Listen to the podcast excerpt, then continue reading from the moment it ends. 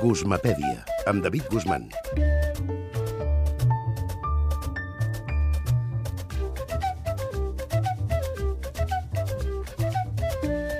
David, què tal? Com, Com anem? estem, Elisa? Molt bé. Mira, aquests dies uh, tens tele francesa o satèl·lit? Uh, no, Eh, doncs aleshores no no, saps... però vaig bastant a França i llavors miro la tele francesa. Sí? És el que no sé. Hi has anat últimament? A l'estiu. Ah, fa molt. No, no, aquests dies parlo de fa realment molt poc. És la de, ha tornat a emetre un documental i, de fet, ha revifat una polèmica que és coneguda a la televisió francesa. Un documental es diu L'ombra d'un dubte, protagonitzat per qui? Eh, demostra que un dels seus mites de la cultura popular, que és Coco Chanel, una Ah, cosa que, sí, que sí ja va. saps de què va, no? Sí, una cosa que sí, ja sí. sabíem, eh, que havia col·laborat amb el règim nazi, era Mm. una gent, una gent amb un àlies molt elegant, Westminster, està bé. Eh, en tot cas, és una persona que va col·laborar amb els nazis, efectivament, des del 1940, i una dona, Coco Chanel, que fins i tot va fer servir les seves eh, influències polítiques, diguem-ho així, per mirar de, doncs, eh, de, de recuperar la indústria del perfum que venia associada al seu nom, amb tot el seu prestigi, i que fins i tot, si ens hem de creure el documental i els llibres que han precedit aquest documental, es va reunir a Madrid amb tota una figura com Churchill per intentar negociar una treva, eh? és a dir, estem parlant aquí de, fi, de Matahari, per, per dir-ho així, eh? perquè Coco Chanel la tenim associada mentalment a un altre tipus de, de feina. No? En tot cas, avui també volia recordar algunes grans figures, t'he de dir que a vegades de manera justa, i d'altres de manera molt injusta, eh? però en tot cas figures acusades importants d'elles eh, de col·laboracionisme eh, o amb vincles directes o indirectes amb el Tercer Reich. Atenció.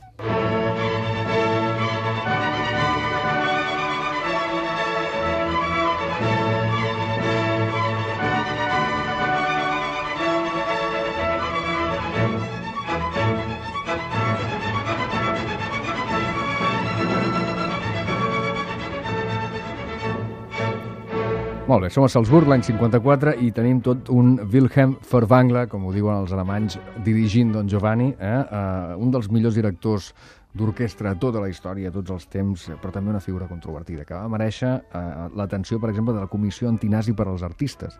Que existeixi una cosa d'aquestes, eh, ja és, però vaja, és com, la, com tantes lleis que s'han fet, no?, a l'època fins i tot de, de la cacera de bruixes i companyia. Doncs, en tot cas, eh, Furtwängler, un home que eh, va ser polèmic, va ser controvertit, perquè el van utilitzar, a mi em sembla, i en alguns moments ell, per dir-ho així, es va deixar, però m'agradaria que sentíssim Josep Maria Pou, que a més a més aquests dies coincideix que dirigeix al Teatre Goya un muntatge sobre tot aquest cas. per un cantó li donava la mà a Hitler i saludava Hitler i dirigia concerts per, per Hitler i per los altos mandos i s'aprofitava d'aquestes relacions per ajudar i favorir la vida a moltíssima altra gent. Tota la seva vida, avui encara, segueix aguantant o portant a sobre la motxilla d'aquesta suposada col·laboració. Els americans no van voler saber mai més res d'ell, mai.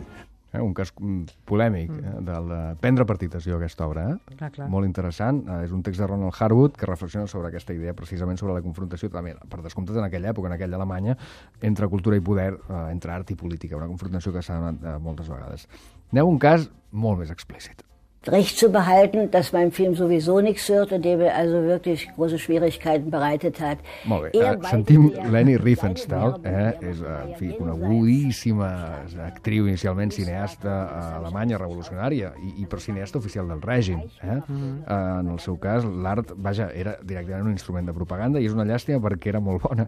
Si pensem, per exemple, en obres com El triomf de la voluntat i coses d'aquestes, és una dona admirada, però admirada i odiada en proporcions més o menys equivalents. Eh? Eh, I per, per descomptat, una de les personalitats artístiques més, més singulars i més controvertides del segle XX, que va revolucionar, sens dubte, el documental, però, i aquesta és la pregunta, Leni Riefenstahl es va penedir del seu eh, col·laboracionisme, d'haver donat suport al règim nazi només No. parcialment, Només només en part, i, i de manera molt matisable. Eh? Per tant, sempre ha quedat allò amb, amb l'ombra d'aquesta idea. Més música.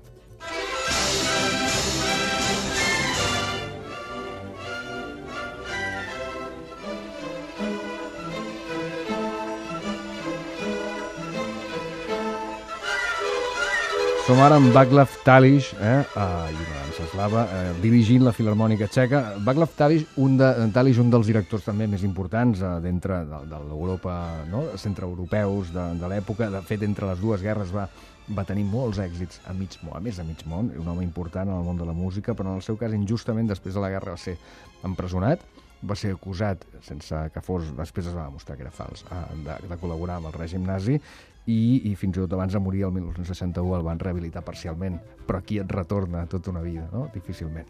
Um, Aneu a un altre geni, vaja, un altre geni, un dels més grans genis de la història de la música, però també polèmic per la instrumentalització que van fer de la seva obra.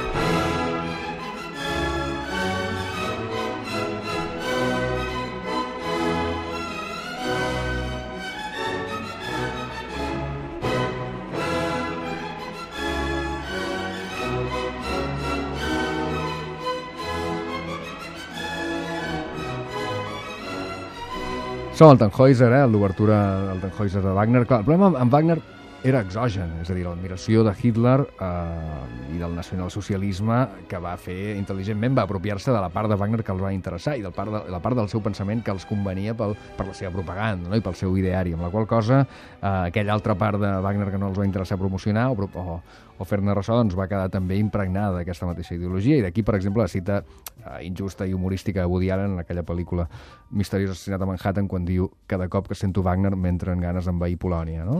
En fi, molt al seu estil, però una mica injusta. Va, acabem una altra música, en aquest cas d'origen més popular. Vor der Kaserne, vor dem großen Tor, stand eine Laterne und steht sie noch davor.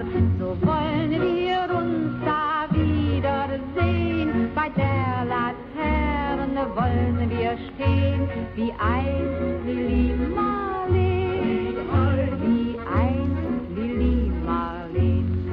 Marlene, eh? en fi, cançó d'amor i de guerra, cantada al front, cantada a les trinxeres i cantada originalment per aquesta senyora que sentim, l'Ale Andersen, molt abans de Marlene Dietrich. Per tant, una Alemanya que va tenir vincles amb el règim, malgrat que eh, també el nacionalsocialisme no va celebrar sempre l'èxit. Goebbels, per exemple, va estar en contra d'aquesta cançó meravellosa i cançó d'amor, molt trista, Lili Marlene. Gràcies, David. Fins Fins ara. ara.